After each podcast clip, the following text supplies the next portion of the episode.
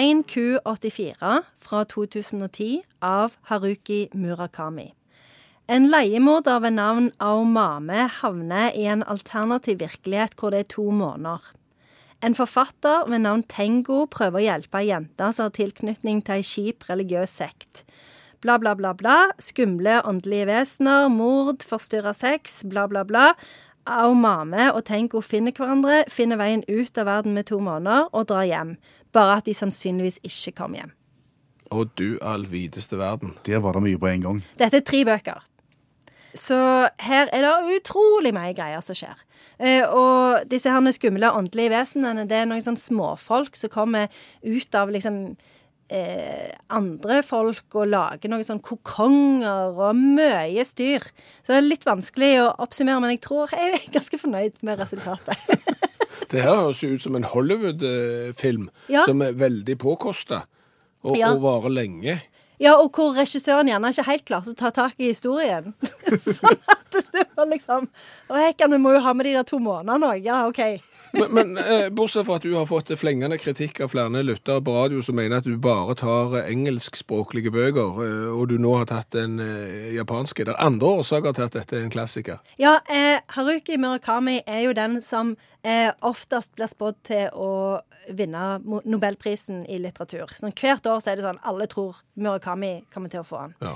På et eller annet tidspunkt så kommer Murakami til å få den. Så, så dette Murakami er to tomler opp. Alle bør kjenne til han. Hva var det du kalte boka? 1Q84. 1Q84? Ja, Hva betyr det? det? Fun fact. Eh, Q på japansk, altså KYU, betyr ni.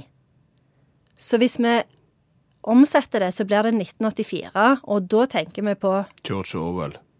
Ah, han er inspirert av Orwell? Han er inspirert av Orwell. Og det, eh, Murakami er jo veldig opptatt av samfunnskritikk òg. Og den sektor som han finner på, den har jo klare fellestrekk med den sektor som eh, utførte det gassangrepet på undergrunnsbanen i Tokyo. Så det er en grunn til at det er to måneder der. Moon-sektor. Nice. Nice work, Bjørn Olav. Ja, Takk. Heter Så- den Moon-sektor? Ja. Akkurat. Og, og han, Murakami har vært veldig opptatt av at det, den sektoren altså oppsto jo ikke i et vakuum. Det er noe dypt galt i det japanske samfunnet. Eh, så, så egentlig er det jo en samfunnskritikk. Altså det er et konkurransesamfunn som skaper eh, individ som gjerne ikke klarer å forholde seg til hverandre.